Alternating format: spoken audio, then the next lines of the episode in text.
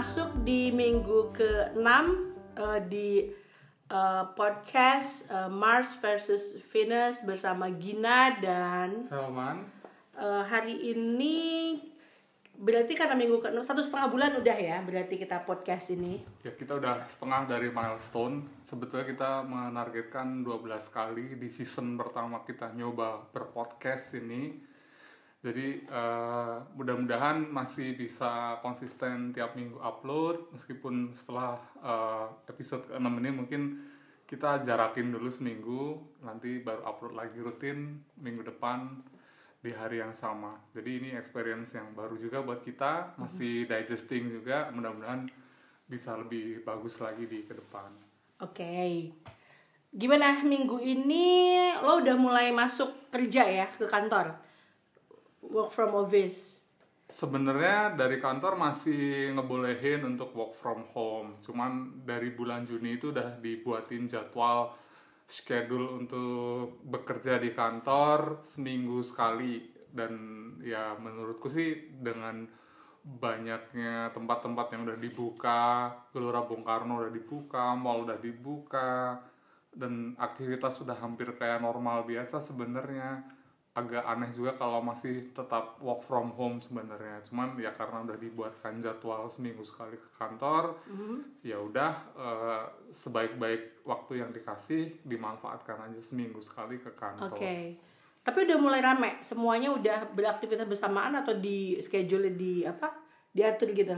Di kantorku tuh schedule-nya diatur 30% kepadatannya. Jadi dengan okay. jumlah yang ada itu memang jadinya kita dalam lima hari kerja itu cuma dapat satu kali satu hari giliran untuk bekerja dalam seminggu. Okay. Nah, kalau aku sih dapatnya kemis, jadi uh, ke kantor tiap kemis cuman ya sebenarnya itu nggak wajib juga artinya masih boleh untuk bekerja di rumah meskipun pada hari gilirannya kerja tapi ya itu balik lagi ke masing-masing aja. Kalau misalnya ke kantor itu nggak terlalu repot nggak nggak membebani dan sebagainya kalau aku prefer ke kantor. Timku aku sarankan ke kantor karena ya somehow situasi ini harus di break nantinya. Mm -hmm kita harus kembali lagi bekerja di kantor dan ya kalau dari aku sih pengennya mereka udah prepare juga bahwa ke kantor ini di normal yang baru ini seperti ini nih yang harus di itu. Karena Macet nggak kemarin? Enggak sih, masih lancar uh, relatif lancar karena uh, masuk kantor juga jamnya masih fleksibel, nggak disarankan hmm. di rush hour, nggak dan nggak disarankan menggunakan transport publik okay. dulu. Jadi masih pakai kendaraan pribadi, jamnya fleksibel, bisa nunggu sampai traffic agak reda, pulang juga nggak usah nunggu sampai jam pulang kantor, bisa pulang lebih dulu. Jadi lebih ke aklimatisasi aja setelah hmm. tiga bulan lebih ya, tiga uh, bulan eh, lebih, iya nggak ke kantor, okay. jadi mulai lihat kantor lagi. Oke. Okay. Sebetulnya minggu ini kita ada ada bukan ya event lah ya, event yang cukup asik ya. Uh, Bapak ulang tahun ke 74 ya? 74. Orang tuaku, bapakku uh, ulang tahun 74. 74 tanggal 1 yeah. Juli. Terus Aksara tuh ulang tahun ke 11. Tanggal 3 Juli. Tanggal 3 Juli. Dulu waktu kita dapat estimasi lahiran antara lahirannya pengen dibarengin sama bapakku tanggal 1 Juli atau tanggal hari 4 Bayangkara Juli. nasional atau pengennya 4 Juli jadi keren aja ada filmnya kan bersamaan dengan hari ulang tahun kemerdekaan Amerika jadi Born on the 4th of July kayaknya lagu dan film juga ada cuman ya dikasihnya 3 Juli ya it's okay 3 Juli angka yang oke okay juga 37 oke okay. Nah si Aksara ini buat listeners yang belum tahu kita berdua Aksara ini anak berkebutuhan khusus dia uh, autistik ya, autistik klasik gitu ya. Yeah. Istilahnya ya. Jadi dia nonverbal uh, gimana ngejelasin Kalau ya? ngomong autistik tuh banyak yang mungkin banyak yang belum paham ya bahwa itu tuh sangat lebar sekali mm -hmm. dan nggak bisa kita ngejudge autistik itu satu sama lain itu sama pasti berbeda dan ya spektrumnya tuh banyak banget Luas dari banget. Down syndrome, dari Asperger, dari klasik autism, dari apa pun itu kategorinya masuk ke dalam kategori autism jadi sangat luas banget dan ya kalau nanti uh, pengennya kita akan ngomongin mengenai autism uh, di edisi ini mm-hmm. tapi uh, uh, buat disclaimer dulu bahwa nanti pasti ini kasusnya akan sangat berbeda satu sama lain jadi nggak mungkin sama sih setiap orang karena anaknya itu pasti punya punya progres sendiri-sendiri punya situasi yang berbeda situasi juga sendiri-sendiri hmm. dan sebagainya kayak gitu nah, Aksara ini salah satunya yang udah didiagnos autistik dari 2014. Dari usia berapa ya? 5. Kok 2014? Sebelumnya kan udah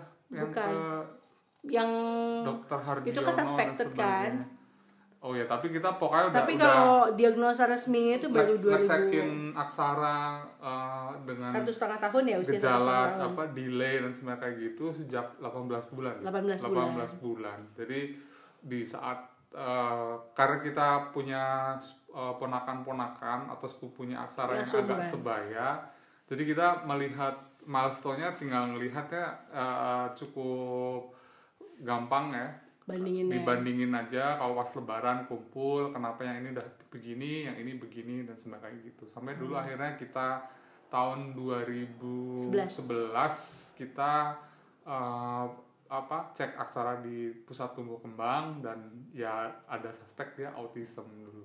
Mm-hmm. gitu. Lalu gimana mam? Uh, berarti udah berapa tahun jadi ya ya 11 tahun ya. Uh, dan khususnya mungkin 10 lah. tahun menjadi orang tua dari anak berkebutuhan khusus ini. Kalau sebenarnya kalau dari sisi gini kalau gue pribadi mengingat uh, kondisi aksara anak autis itu nggak terlalu gimana ya? Tidak terlalu membebani sepanjang waktu gitu. Tetapi menjadi mellow di waktu-waktu kayak gini nih. Ulang tahun. Terus kalau misalnya apa lagi ya? E, ngelihat si adik ya terutamanya ngelihat si adiknya tuh accomplish sesuatu yang makin kelihatan dia tuh e, bisa melakukan banyak hal gitu kan. Jadi si kakak tuh kelihatan banget wah ya ini anak emang apa berkebutuhan khusus gitu loh. Terus ini karena fenomena yang apa kita Helman sih tepatnya ya uh, sangat sangat attach banget sama Aksara. Karena Aksara nggak sekolah ya papa ya? Aksara nggak sekolah terus Helman juga nggak ke kantor terus praktis dia hampir 24 jam sama Helman tuh tiga bulan. Seperti itu nah itu uh, apa ya kita ngerasa challenging banget ya makin gede ya iya jadi ya fenomena yang beda antara anak normal karena adiknya Aksara ini quote unquote normal dan Aksara ini berkebutuhan khusus. Setiap kali ulang tahun tuh kita uh, untuk feelingnya Aksara beda ini gitu. feelingnya beda. Kalau untuk adiknya tuh kita memang celebrate milestone ya. Jadi wah kamu udah 9 tahun, udah 10 tahun. Tahun lalu kamu bisa begini, tahun, ya. ya misalnya hmm. begitu. Tahun ini udah bisa begini. Ekspektasinya tuh progresnya kita hampir melihat kayak yang uh, pada umumnya aja. Mm-hmm. bentar lagi kamu remaja kamu akan begini akan begini kayak gitu. Sementara kalau di aksara ini justru tiap ulang tahun itu malah kayak kita di remind ke deadline gitu loh. Ini udah 11 tahun loh gitu. Dan dia masih begini-begini aja. Ini udah 10 tahun loh dia kok masih begini. Mm-hmm. jadi karena ada certain milestone atau milestone tumbuh kembang anak itu yang dia nggak achieve lah gampangnya dan itu selalu kayak jadi reminder aja tiap tahun wah dia udah 11 tahun nih tapi kenapa kelakuannya masih kayak anak umur 4 tahun, umur tiga tahun dan sebagainya kayak gitu. Mm. Jadi ya itu yang tadi mungkin dirasa melo iya dan sebagainya kayak gitu. Dulu gue pernah bikin notes mengenai ini, mengenai apa bahwa ya tiap tahun tuh jadi kayak kayak reminder aja bahwa usianya tuh sekarang udah segini dan ya what you gonna do gitu. Cuman ya memang hidup dengan anak berkebutuhan khusus autis ini memang apa ya uh, life shaping experience lah hmm. maksudnya banyak banget decision decision di dalam hidup kita yang kita ambil karena kondisi dia kondisi ini rencana-rencana yang mungkin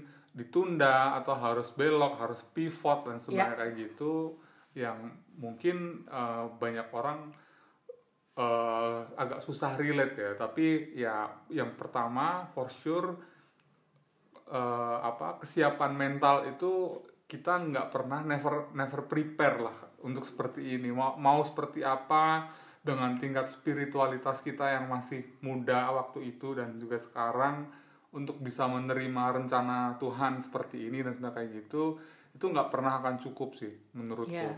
Jadi kita masih harus selalu konstan adjust melulu terhadap eh, ya menyesuaikan itu an- antara menerima kemudian apa ya menyesal sih bukan ya tapi ya mellow kenapa mesti begini dan sebagainya gitu. Itu ya sampai sekarang pun masih terjadi. Masih terjadi karena karena sebetulnya physically demanding banget juga kan apalagi sekarang aksara itu udah makin pinter ya makin pinter juga lah dia ada developmentnya juga kayak makin bisa memanipulasi makin susah diatur makin suka kabur pakai sepeda. Jadi kayak dan dia tuh kayak ninja gitu kan.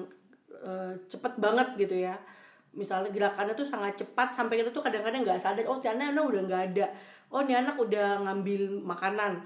Oh ini anak udah melakukan hal-hal yang merusak misalnya gitu tuh cepet banget gerakannya tuh cepet banget sih Iya, makin effort lah ya untuk keep up dengan aksara ini. Sama mungkin kalau dengan anak normal dalam tanda kutip eh, keep upnya mungkin dari sisi mental tiba-tiba dia pacaran atau enggak. Nah kalau aksara ini sebenarnya keep upnya masih dalam sisi eh, pertumbuhan fisiknya dia yang tetap berjalan linear tapi nggak nggak diimbangi dengan eh, pertumbuhan eh, Kognitif. iya akal dan juga kesadaran kayak Hmm. gitu. Contohnya ya mungkin dia masih ngerasa santai aja untuk mukul-mukul eh, orang tuanya sama kayak dia kondisi dulu dia bayi ya kita nggak kerasa ya cuman sekarang kalau setelah dia pukul sakit banget umur 11 tahun ya rasanya kayak ditempelin orang dewasa juga kadang-kadang kayak gitu dan kita sebagai orang tua itu emang jadi PR banget untuk balance emosinya ini untuk selalu mengingat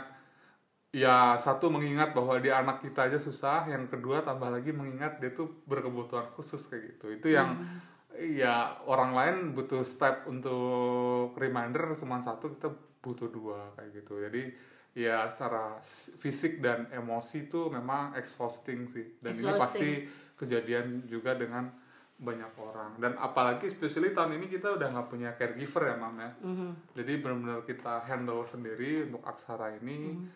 Ya ya itu tadi banyak hal yang eh, terjadi dalam hidup kita itu yang dipengaruhi dengan kondisi aksara ini yang membuat kita memutuskan untuk sesuatu. Ekonomi tentunya juga nggak mudah mahal, Ya. mahal juga banget punya anak eh, autis punya itu anak autis dan kadang-kadang juga kita berpikir ini mungkin eh, kalau yang kena bukan ya maksudnya secara finansial kurang berdaya tentu akan sangat repot. Kayak Iya. gitu juga. Bener ya. Jadi ya eh, bener banget yang Helman bilang. Kita turning point dalam hidup kita banyak banget keputusannya karena kondisi aksa yang gue inget banget dulu kita pindah ke Bintaro juga karena kita pikir di Bintaro tuh sekolah untuk anak berkebutuhan khusus tuh banyak eh, dan eh, banyak pilihan. Sama ling- lingkungannya tuh masih banyak open space untuk dia bisa beraktivitas fisik. Karena dulu tuh waktu tahun 2011 akhir kita putusin pindah ke Bintaro itu dianya kecil banget masih ya masih kecil banget. Masih masih. Jadi dia masih harus sensori integrasi masih harus terapi-terapi yang sifatnya fisikal gitu. Ya itu selain apa dari keputusan soal milih makanan kemudian Tempat tinggal, tempat tinggal udah jelas kita butuh yang cluster supaya anaknya nggak hilang juga yang one gate cluster kalau perlu kita nggak bisa bayangin kalau kita masih tinggal di Tebet ya kayak dulu. Iya. itu uh, masih repot banget. hilangnya ke mana udah udah nggak tahu. Mungkin Iya. udah bakal sering hilang masalah banget kayak gitu. Kemudian tadi dekat dengan sekolah atau tempat terapi harus mikirin juga antar jemput karena dia nggak bisa berangkat sendiri kayak anak-anak pada umumnya bekal makan siang karena dia mungkin nggak mau untuk makan yang sembarangan dan sebagainya. Jadi dia nggak mau yang dingin apa-apa harus panas gitu kan? Iya, ya very very very challenging tapi ya itu itu yang tadi gue bilang ngubah banyak hal di kita termasuk decision Gina untuk resign dari eh, apa kerja kantoran meskipun nggak directly itu karena itu karena waktu Gina kerja kantoran dan gue kerja kantoran juga sebetulnya ke handle juga cuman satu pemikiran Gina yang gue admire dan gue full support adalah ini kita udah prepare bahwa nantinya aksara tuh mungkin eh, nggak akan bisa berdaya sendiri lah ya. Hmm, dia selalu akan butuh support lah.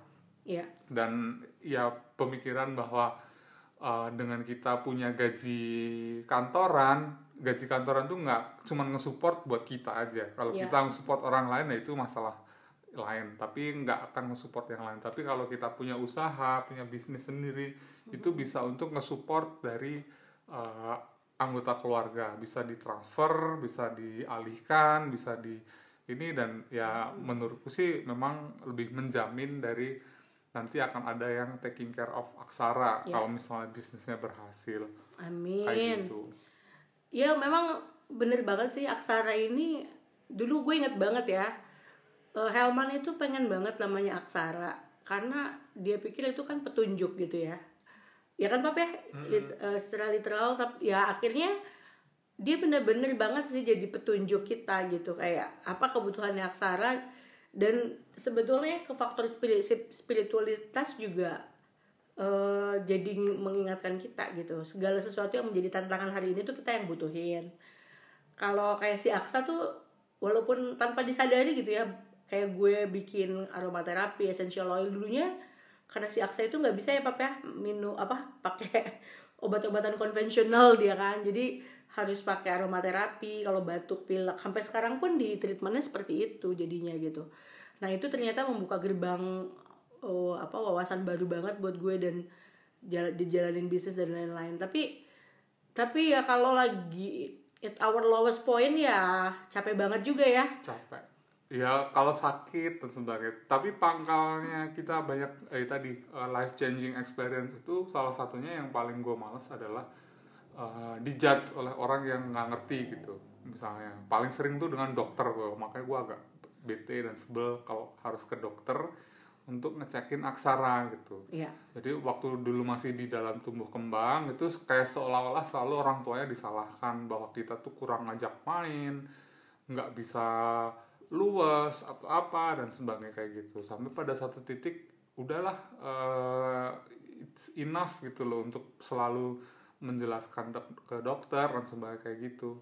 Sehingga sekarang ini lebih banyak ya itu metode penyembuhannya kalau misalnya mengadopsi istilah yang sekarang lagi kekinian ya herd immunity itulah di kita di keluarga kita juga udah di udah diterapkan kayak gitu. Sakit itu nggak kita obatin ya paling kita pantau demam kalau udah mulai tinggi dan sebagainya gitu kita intervensi pakai paracetamol. Tapi ya that's it gitu loh. Kalau misalnya masih pilek masih panas masih lemas masih apa ya kita biarin aja supaya imun sistemnya tuh berkembang bekerja sendiri. dengan baik ya untungnya itu yang banyak membantu kita ya. Maksudnya alhamdulillah sekarang juga anak-anak tuh agak jarang sakit uh, cukup kuat imunnya uh, betah dengan berbagai kondisi, Kondisi cuaca dan ya. kayak gitu. Ya untuk anak berkebutuhan khusus dan nggak sering-sering ke dokter itu blessing banget lah buat iya kita. itu bener banget. Bener banget sih. Aksara tuh yang repotinnya ya perlu bener-bener harus diawasin banget tapi in so many ways juga sebetulnya kita cukup eh, apa diberkahi sama anak yang sehat gitu ya sebagai gambaran nih misalnya kalau aksara sakit terus dikasih resep obat gitu bentuknya pil atau tablet Gimana kayak gitu coba tuh? itu untuk nggak mungkin hampir nggak mungkin bisa di itu dia ya makan itu hampir nggak mungkin hampir nggak bisa harus dipaksa dipegangin rahangnya kemudian dicekokin kayak gitu ketika Itu dia masih sulit. kecil ya Masih kuat kita ya. tenaga masih kuat sekarang aja dia umur 11 umur 10 umur 9 itu udah nggak mungkin seperti itu tapi yang paling gila banget sih yang kita cabut gigi aja kita mesti sedasi total ya bapak ya Ya, untuk cabut gigi aja kita mesti bius total. Jadi kayak orang mau dioperasi karena bener-bener dia nggak bisa dipegang, nggak bisa dan diem. struktur apa tubuhnya dia tuh agak-agak aneh gitu apa apanya tuh kuat gitu ya gimana Iya. ngomongnya ya Eh, maksudnya si gigi tuh bisa nggak nggak goyang sama sekali gitu padahal gigi yang lainnya tuh udah tumbuh gitu ya bapak jadi kayak eh kita kayak mikir waktu itu ya ampun ini anak gimana ya kok gini gitu kan Tapi ya susahnya itu ya. Aksara itu masuk rumah sakit dulu sekalinya pas kita belum tahu kalau dia autistik. Jadi dia kena Iya. demam berdarah di Surabaya dulu dan dia diinfus. Infusnya tuh dicabut terus sampai dia diinfus di kaki. Karena kalau di tangan sama dia dicabut Cabut. ya santai aja dia bah- bahwa itu isinya jarum atau apa. Oke, jadi kita memang sebisa mungkin menghindarkan dari treatment-treatment yang seperti itu. Makanya ya kita sangat bersyukur banget sih anaknya tuh sehat sehat, nggak pernah sakit. Karena kalau sakit repot banget ya. Kayak tadi, cuman cabut gigi aja habis berjuta-juta ya karena harus bius total, Harus harus, pakai dokter anestesi, Harus cek darah dulu. cek darah, harus rawat inap kayak gitu untuk sekedar cabut, Cabut gigi. gigi. gitu. Jadi untuk sakit yang lain kita nggak kebayang sih dia nggak bisa disuntik, nggak bisa diapa dan sebagainya kayak gitu. Jadi ya mau nggak mau kita serumah ini juga harus berperilaku hidup sehat juga. Iya.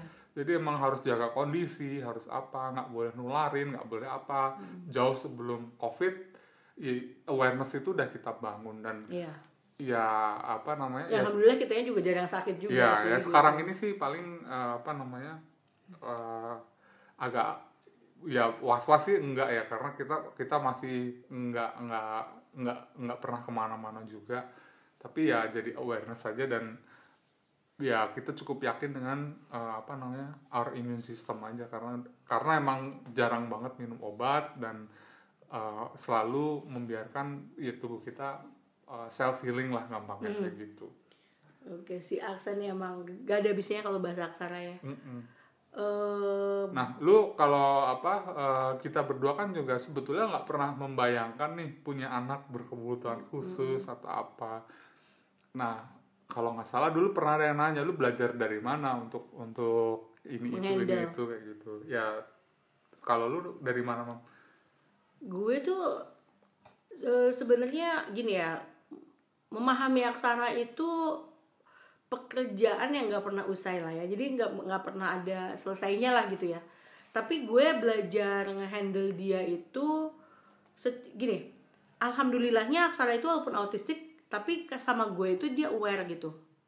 Gue ibunya bahwa kita lebih intim hubungannya tuh baik gitu. Jadi tidak yang seperti anak autis yang kayak kita lihat banyak di film-film yang koneksinya hampir nggak ada emosi gitu. Nah kalau aksara tuh masih sangat apa ya san- sangat manis gitu ya.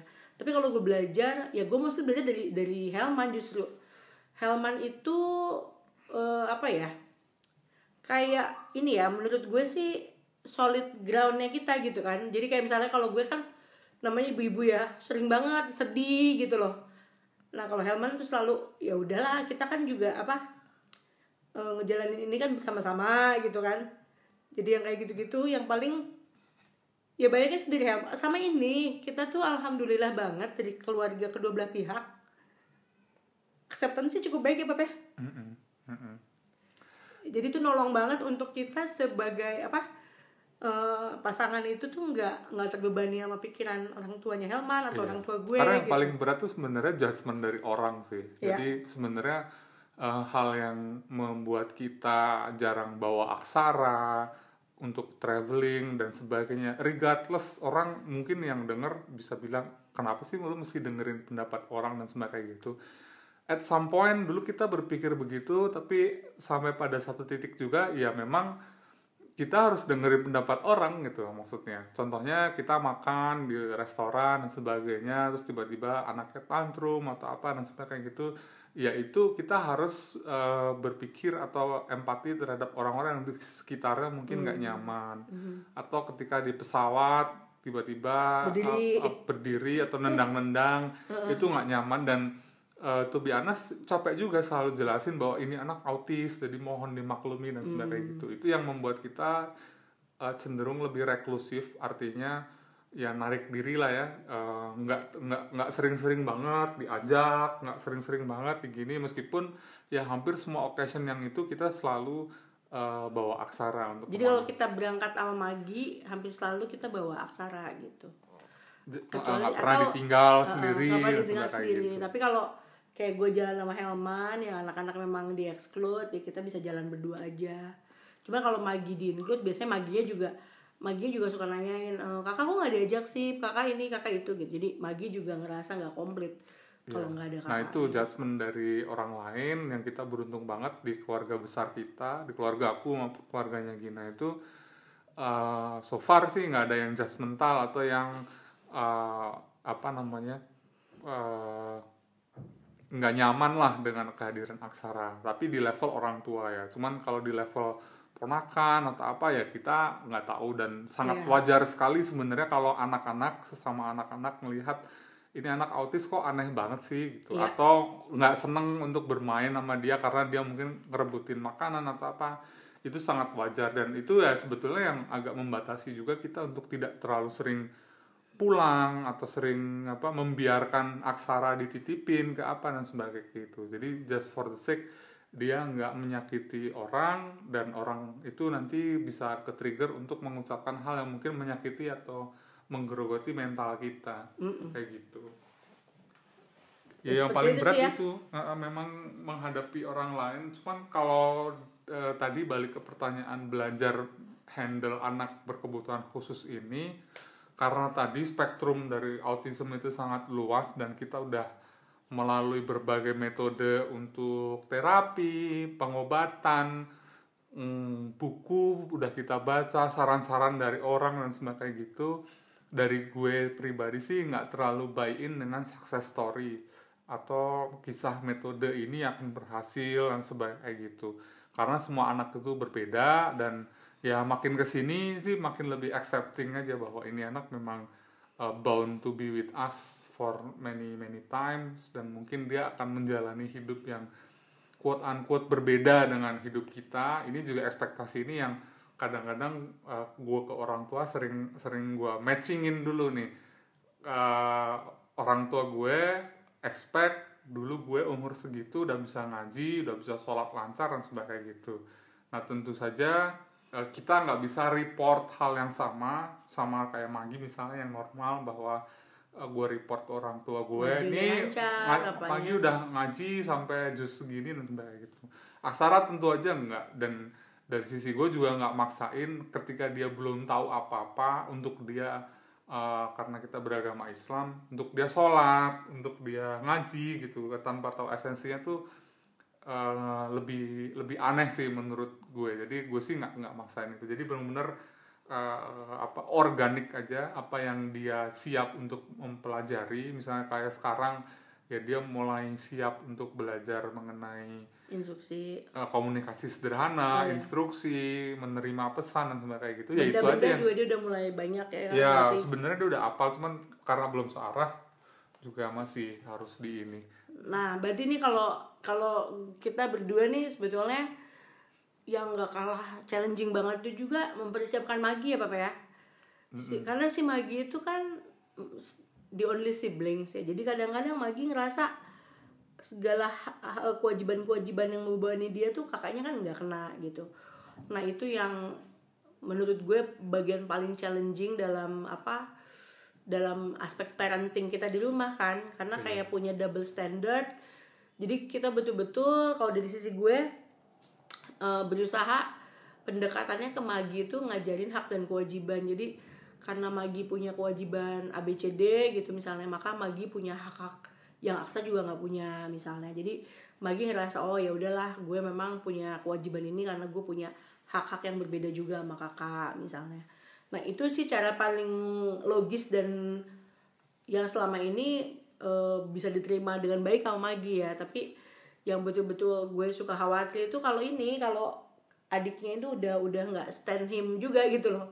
Udah kesel banget juga sama dia gitu kan. Dan kalau ada ini misalnya kayak kasus kalau misalnya pas ada temennya atau ada apa yang diajak main dan sebagainya gitu otomatis ya prioritas dia udah nggak lagi ke kakaknya dan kakaknya ini ya sama kayak dia akan share dengan pandangan temennya entah itu saudaranya atau temennya bahwa ketika ada kakaknya ini mereka jadi nggak seru lah keganggu gitu. Itu udah udah mulai sering kelihatan dan ya memang PR yang paling berat nantinya buat uh, sibling dengan autism itu adalah mengajari mereka menerima dulu nih.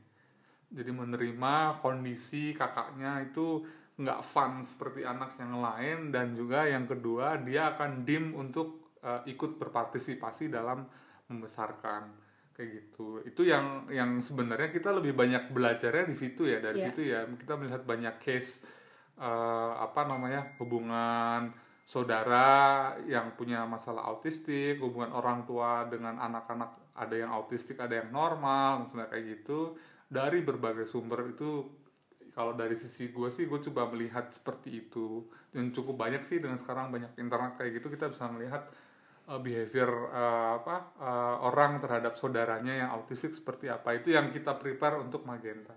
Hmm, bener banget sih si Magenta sama Aksara. Terus Aksara ini kan unik ya. Lagu terakhir yang lu denger dia nyanyi kan apa ya? Dia suka banget humming terus lagunya tuh komplit gitu ya kan.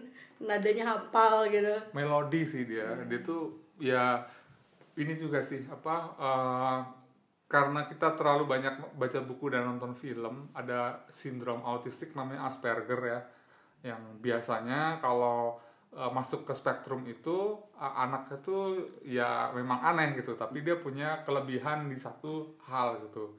Saya katakanlah memorinya bagus matematikanya bagus dan sebagainya Nah, dulu ketika awal-awal uh, aksara autistik juga banyak yang nanyain dari orang di sekitar kita. Emang dia pasti punya satu kelebihan lah yang nanti bisa digali gitu.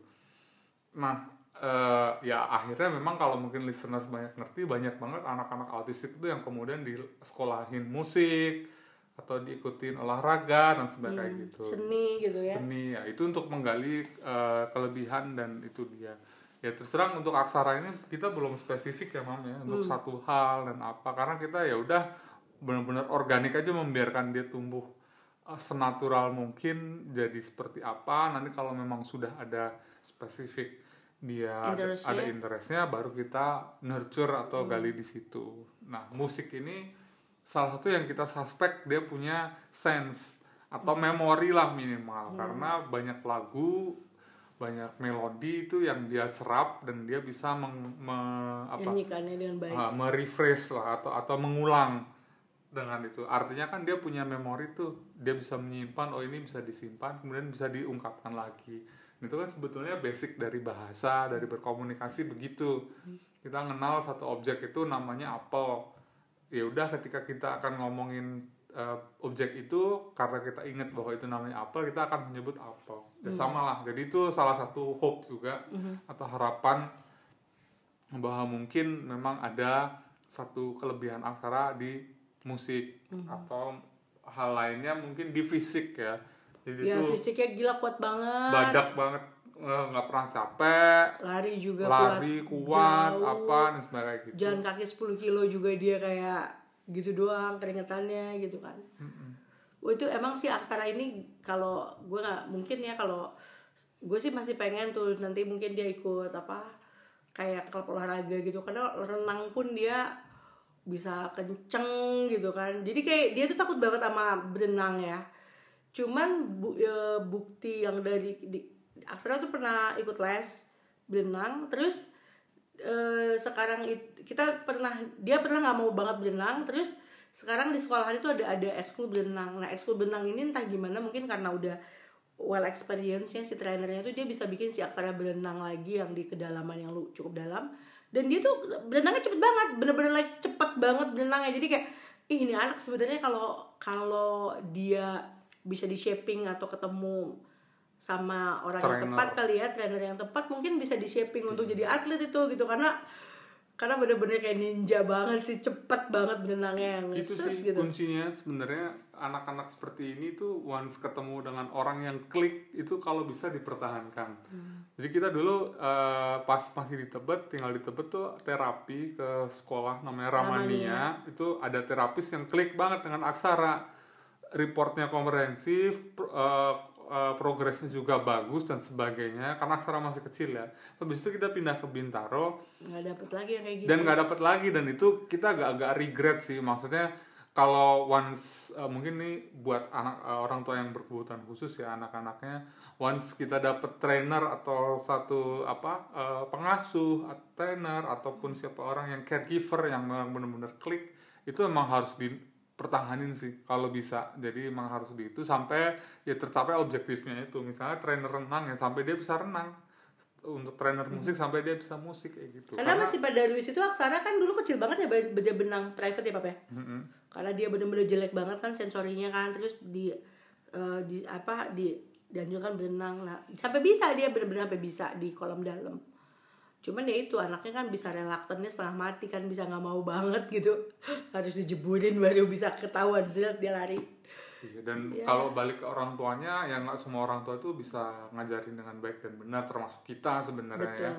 Jadi ya ya itu. Jadi kalau ada ada satu person yang memang klik dengan anak berkebutuhan khusus ya banyak uh, via dia aja untuk untuk banyak hal kayak gitu. Ya kadang-kadang ini jadi jadi masalah bukan masalah sih ya tapi jadi fenomena juga ketika apa orang tua berkebutuhan khusus anaknya yang autism autistik atau apa gitu mungkin dia lebih atas ke caregivernya dan sebenarnya gitu. Itu jangan jangan dijudge juga karena ya anak-anak seperti itu nggak ada nggak ada nggak ada apa ya nggak ada politically correctness lah untuk iya. untuk ini. Gue mesti lebih ngeliatin lebih sayang ke orang tua dan sebenarnya dia akan apa adanya aja. jadi ya ya memang tapi aksara itu secara insting dia cukup ini cowok cukup mengenal mengenali orang-orang yang sayang sama dia yang care sama dia ya.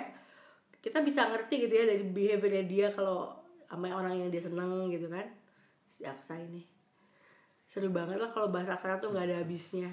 Ini orangnya juga ah, lagi salah satu yang buat belajar nih uh, untuk hal-hal yang mengenai autistik ini kan. Selain lihat dari pengalaman nyata kan kita kan masuk ke segmen buku musik dan film nih.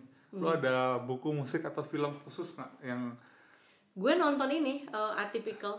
Atypical tuh apa? Uh, satu serial di Netflix yang terkait anaknya tuh Asperger tapi dia high function ya high function autistik tapi di situ dijelasin juga bahwa banyak banget anak autis remaja gitu tuh yang tidak high functioning ada yang low functioning juga gitu. Tapi di di film itu ini menarik banget nih angle-nya itu yang disorot ibunya jadi si ibunya ini saking sayang banget sama anak-anaknya ini yang anak autis sama anak non jadi itu film kayak bener-bener aksa magi banget. Karena adiknya tuh si Casey namanya si Casey-nya tuh kayak magi gitu anaknya tomboy pintar terus kayak sayang banget juga sama kakaknya gitu.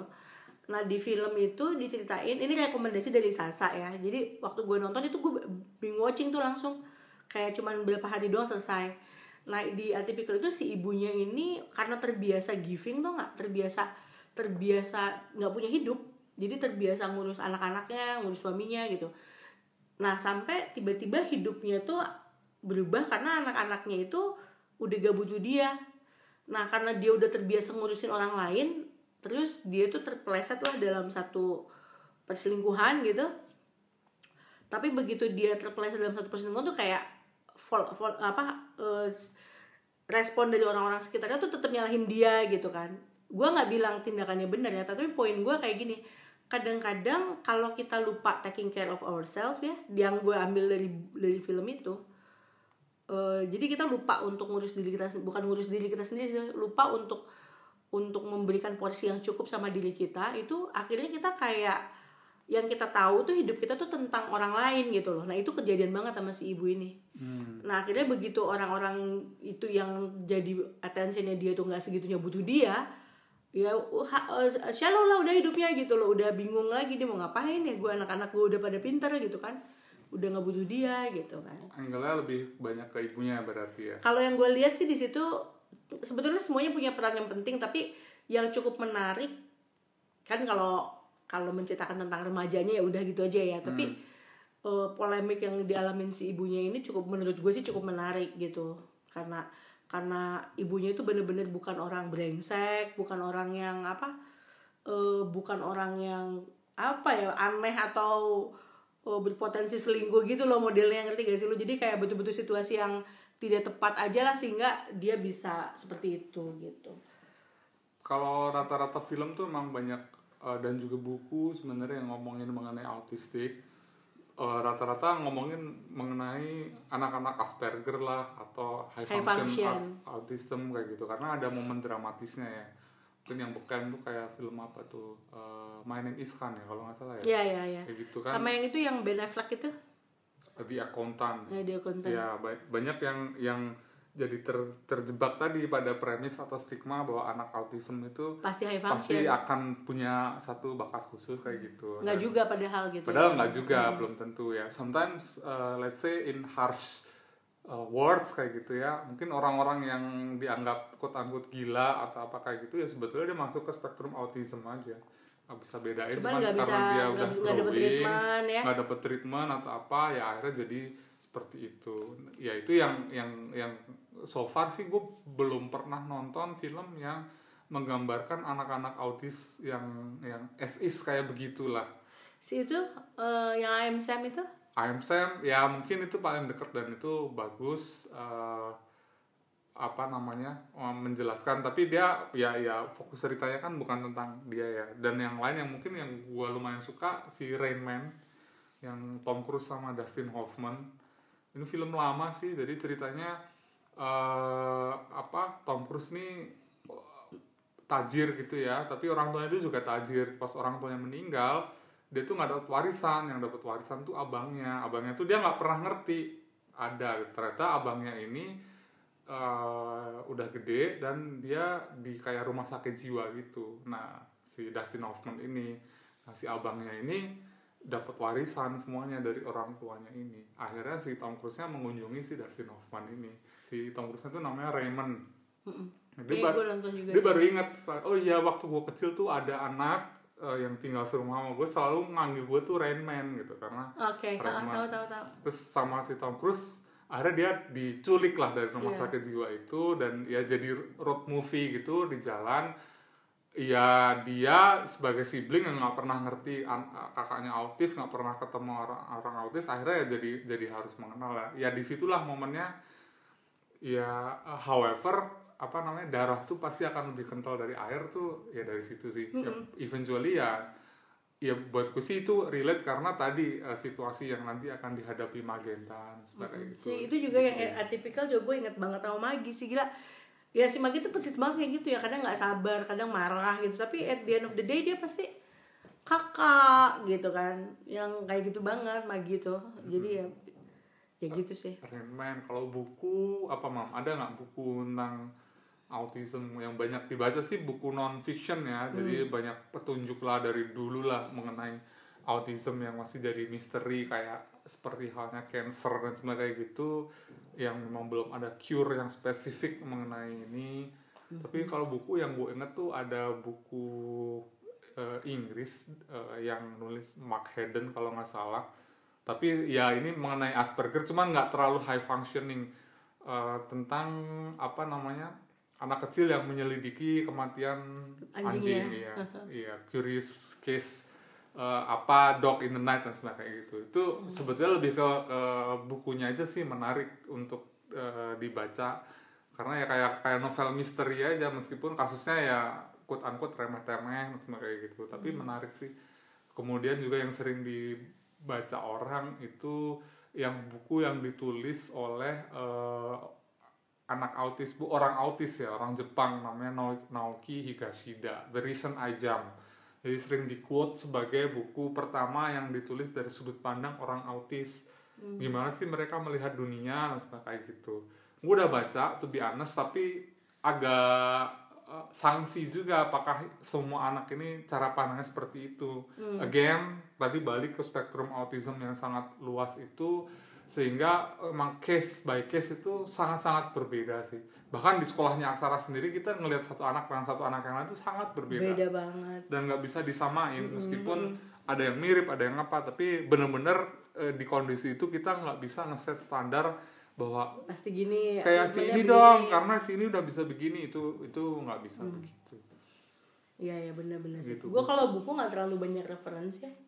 Kalau buku tentang anak autis tuh paling ya kayak zaman dulu tuh yang playing eh, apa namanya playing terapi yang kayak gitu-gitu tuh. Tapi Ya, itu kan buku- bukan buku tutorial lah ya tutorial kebanyakan. gitu. kalau musik mah Kalau musik ya gue tuh ada ada satu lagu yang sebetulnya Helman yang nemu lagu ini tapi tapi gue tuh dengerin lagu itu pasti mellow. Yang Mad World itu loh. Oh yang Doni, soundtracknya Doni Darko. Iya itu itu gila sih maksudnya. Gue kayak ya buat anak autis ya mungkin if, misalnya kayak contoh paling gampang. Dia tuh suka banget melakukan repetisi gerakan kan. Buat kita kan ganggu ya berisik gitu ya. Tapi buat dia kan mungkin itu cara dia menenangkan diri gitu cara dia ya mengisi kesibukan aja kayak kita main HP gitu kan kita juga kan melakukan repetitif juga kan kalau main HP ya bukanya Instagram. Tapi karena dia itu punya cara yang spesifik begitu kadang-kadang ganggu. Nah si lagu Mad World ini menurut gue akurat banget sih bahwa dunia ini kok kayak ya dari sudut pandangnya dari sudut pandang anak autis ya. autis kenapa sih gue harus dimarahin hanya karena gue main bola misalnya? Atau kenapa sih gue harus dibentak hanya karena gue mainin botol gitu ya? Atau mecahin kaca gitu kan? Ya. Kalau lagu sih banyak ya dari apa dari banyak hal kayak gitu nggak directly kita ngambil lagu yang memang ditulis untuk anak autis atau Mm-hmm. apa. Ada tuh banyak lagu yang dari rapper siapa kayak gitu yang video klipnya juga sangat touching banget karena anaknya autis. Tapi kalau gue lagu memang lebih banyak buat kontemplasi kali ya. Jadi buat buat menghibur diri atau memberi penguatan atau apa. Banyak banget lagu-lagu yang relate dengan autism. Eh, bahkan let's say misalnya eh, se segampang kita nautin aja lagu Metallica yang paling terkenal Nothing Else Matters. Iya. Ke situ itu juga sangat relate banget. Terus lagunya eh, True Colors kayak gitu yang populer sama Phil Collins sama Cyndi Lauper kayak gitu juga itu relate banget dengan eh, autism. Terus banyak sih eh, lagu lagu-lagu tuh ya to be honest banyak banget yang jadi soundtrack hidup gue yang relate dengan uh, gue punya aksara dan semacam kayak gitu ya baik dari sisi itu menerima baik itu dari sisi itu encouraging si anak untuk uh, bisa showing their true colors atau kita yang selalu apa uh, ngasih jalan atau apa dan semacam itu ya music is my therapy sih dalam hal ini Kalau Helman iya ya sering banget dengerin musik tuh. Kalau gue tuh dengerin musik itu tergan- sangat tergantung sama moodnya, sangat tergantung dengan apa yang gue kerjakan, gitu ya. Dan eh ya tapi Mad World itu menurut gue akurat banget sih. Suka, maksudnya kalau dengerin itu tuh langsung inget Aksara. Sama ada satu lagi lagu yang Aksara suka banget lagunya Muse. Eh judulnya apa Mad ya? Uh, madness Madness ya. madness semua yang yang ada mad madnya mungkin dia suka ya karena Tapi yang mad. Madness itu dia suka banget dan Aksara lagi suka banget juga ini lagu apa yang kita nonton bareng dan dia betul-betul nontonnya husu banget. Aladdin. Oh Aladin, iya lagu-lagunya suka dia. Iya, Ya sebenarnya dia akan akan merepetisi semua melodi yang bagus ya. Yang dia nge- catchy buat Yang dia. dia yang dia catchy, apa Smell Like Teen Spirit dia bisa niruin. Apa lagi sih lagu-lagu Solawatan juga bisa. solawatan juga bisa. Lagu itu yang paling karena rumah kita ini deket kuburan dan kuburannya tuh kuburan pahlawan gitulah, makam tentara gitu kan. Lagunya itu kan selalu gugur apa yang Ya lagu-lagu itulah ya. eh, gugur gugur lagi bunga, pahlawanku iya, gitu, kayak Nah gitu, terus dia gitu. kalau kalau setiap ada orang habis dimakamin, terus dia hummingnya lagu itu Oh. gitu kan. banyak sih lagu-lagu yang yang aksara itu lagu soundtracknya Ghibli kayak gitu itu dia Iya, suka iya, karena juga dia. eh, semua yang melodis itu dan dia bisa humming itu pasti dia akan inget dan ya udah eh, kadang-kadang itu lucunya kita pancing aja dengan beberapa itu dia bisa ngikutin sendiri. Ya tanda bahwa dia punya memori. That's a beacon of light yang gue lihat dari situ bahwa ini anak tuh sebenarnya punya memori. Ya karena kita suka bercandaan enak jajan nggak punya neokortex gitu kan. Karena kayak kita habis marah habis marah sama dia dia sedih tuh. Tapi hitungan detik gitu ya bukan hitungan menit hitungan detik tuh dia bisa langsung tersenyum lebar gitu yang bikin kita gemes lagi sama dia kan jadi kayak ini kok nggak ada sakit hatinya nggak ada apa ya apa ya nggak ada nggak kompleks itu kayak isi pikirannya mukanya aja masih kayak anak-anak bayi gitu karena karena nggak terlalu banyak memori yang apa sampah-sampah kali di kepalanya kan Iya, ya that's the life with autism kayak gitu. Pasti kompleks dan sekali lagi pasti uh, orang lain yang punya masalah serupa nggak akan sama juga approach-nya. Jadi kita bikin tema ini bukan untuk membenarkan atau ngasih tips mengenai how to handle with them. Ya, kita cuma sharing aja uh, karena pas ulang tahunnya Aksara juga kemarin ke 11 tahun bahwa ya yang kita lakukan dengan dia dan sebagainya gitu ya memang eh, mungkin berbeda dengan pendekatan banyak orang dan ya dengan situasi work from home yang gua alami terutama kayak gini ya makin eh, mengenalin me- dia juga ya. Eh, eh, makin apa ya istilahnya mengkontemplasi juga sebenarnya. Dia sekolah itu apa yang dia pelajari dia di rumah apa yang dia pelajari behaviornya dia seperti apa dan sebagainya.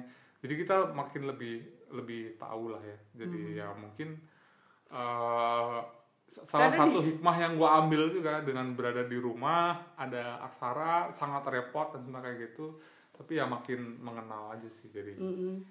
gitu Aksara tuh di ap- dia tuh punya banyak banget akal yang kita nggak kepikiran tapi jadi kayak aduh kok dia bisa mikirnya begitu sih? Misalnya kalau makanan panas itu harus di dinginin kadang didinginin karena lantai itu dingin didinginin sama dia di lantai gitu. Jadi kita kayak stres itu kotor gini gini gini gini. Jadi kayak ya buat dia kayak uh, just I'm being practical kali gitu kan. Makanan gue panas nih gue dinginin di lantai. Tapi ya itu menurut gue sih problem solvingnya dia tuh berjalan ya tapi eh, masalah proper sama komprehennya aja yang kadang-kadang tuh. Tapi gue yakin itu juga berpengaruh ke fisiologis dia sih. Artinya uh, fisik dia tuh jadinya beradaptasi juga dengan kondisi dia yang menurut pandang orang normal. jorok. Uh, jorok atau kayak gitu. Kayak karena kayak minum aja dia dari keran langsung diminum. Kadang-kadang kalau dia lagi malas kalau ke lagi bawah. males ke bawah kayak gitu. Ya cuman ya so far ya alhamdulillahnya nggak nggak terlalu banyak masalah ya karena Hmm. ya itu karena uh, apa mungkin tubuhnya dia merespon juga bahwa behavior ini anak ini emang emang begini begitu begini begitu kayak gitu. Mm, karena kadang-kadang ya papai kalau dipikir-pikir kalau kita kan kepanasan pusing ya? Mm-mm. kalau si Aksa tuh kayak bisa main ayunan siang-siang jam 12 siang gitu. Kayak main ayunan santai aja dia gitu ya kan. Terus struktur kepalanya juga keras banget. Itu Ya, juga sih. meskipun masih umur segitu kalau dia headbutt kita yang udah dewasa tuh bisa yang sampai keliengan kayak gitu dia tuh santai-santai aja atau apa. Ya ini salah satu misteri sih ya dan buat gue sih udah di satu titik eh, gue umur 37 ini me, me- apa ya menjadikan bahwa apa yang akan gue hadapin ini adalah uh, misteri yang exciting aja untuk dinanti. Amin. Nanti kejutannya tuh seperti apa sih ini? iya Kayak kita nonton film, uh, tapi benar-benar clueless mengenai nextnya. It could be good or not dan sebagainya, tapi ya kayak prinsip nonton film aja, just enjoy the moment.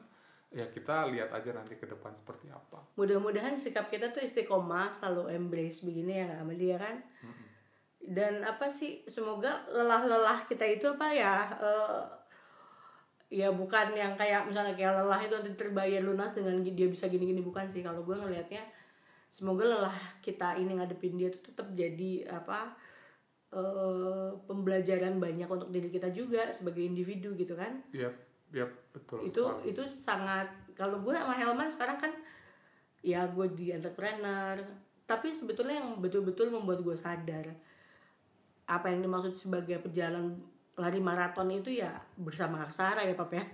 Persiapannya panjang melelahkan dan lu nggak bisa nggak bisa berhenti di jalan. Gimana? Nggak bisa berhenti ya kayak life learningnya itu dari aksara itu. Artinya Iya. kan kita hidup di masa sekarang dan benar-benar nggak tahu di masa depan itu bakal jadi seperti apa. Mhm. yang bisa kita lakukan ya udah eh, me- mempersiapkan aja di masa sekarang ini. Sifatnya semuanya Betul. embrace. Jadi bener whatever the outcome ya ya itu Just tapi itu it. bener ya itu itu jadi poin yang sangat positif banget bahwa kita tuh jadinya eh, mikir banget untuk kita memastikan masa depan kita tuh nggak nggak quote unquote amburadul lah atau misalnya kita wasting our youth our apa income untuk hal-hal yang gak berguna kan gitu iya ya karena butuh itu. Karena eh, butuh jangka panjang gitu kan mikirnya apa kan. namanya biaya cost ekonominya itu juga pasti akan gede. Itu salah satu yang bikin kita apa pun judgement dari orang dalam tanda kutip mungkin ambisius kali ya dengan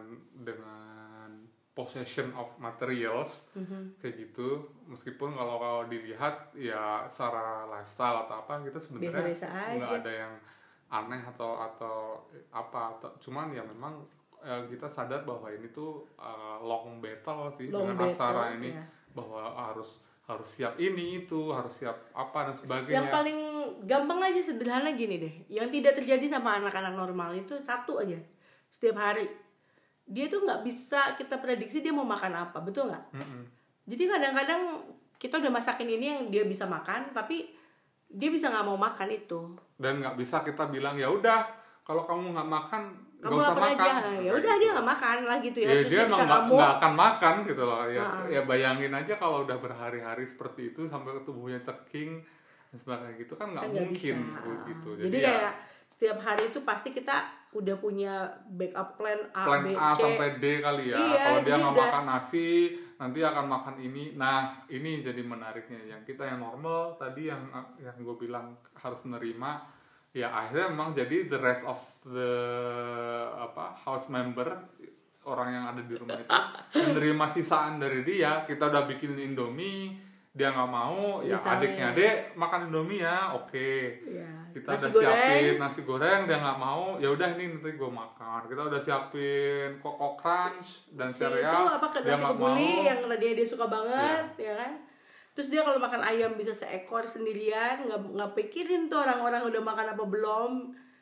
Dan saksara. Kita hidup sama situasi kayak begitu dan ya alhamdulillah so far kita belum pernah kayak eh, pusing yang teramat gitu ya untuk menghidupi dia gitu ya. Cuman cuman yang unik-uniknya banyak banget lah gitu kayak makan ayam bisa seekor kayak makan kalau di makanan Padang itu kan kalau kita makan lauk dua nasi gitu udah kenyang ya papa ya. Kalau dia bisa lauk dua enam. Gue tuh selalu inget sama joke dulu yang joke dari stand up komedian yang dulu ada ada temen eh, kantor gue namanya Ino tuh selalu eh, apa nge- ngecengin orang kayak gitu. Dari eh, lu kalau mau makan eh, kalau mau makan soto gue pakai tangan gitu. Ya kalau dulu lucu ya kayak gitu ya. Cuma sekarang gue lihat di eh, witness sendiri bahwa Aksara tuh melakukan hal itu. Jadi dia makan indomie kuah atau makan soto pakai tangan. tangan. Dari no kalau lu denger ini udah nggak lucu lagi No. karena gue udah lihat yang benernya ada orang yang ada gitu. orang seperti itu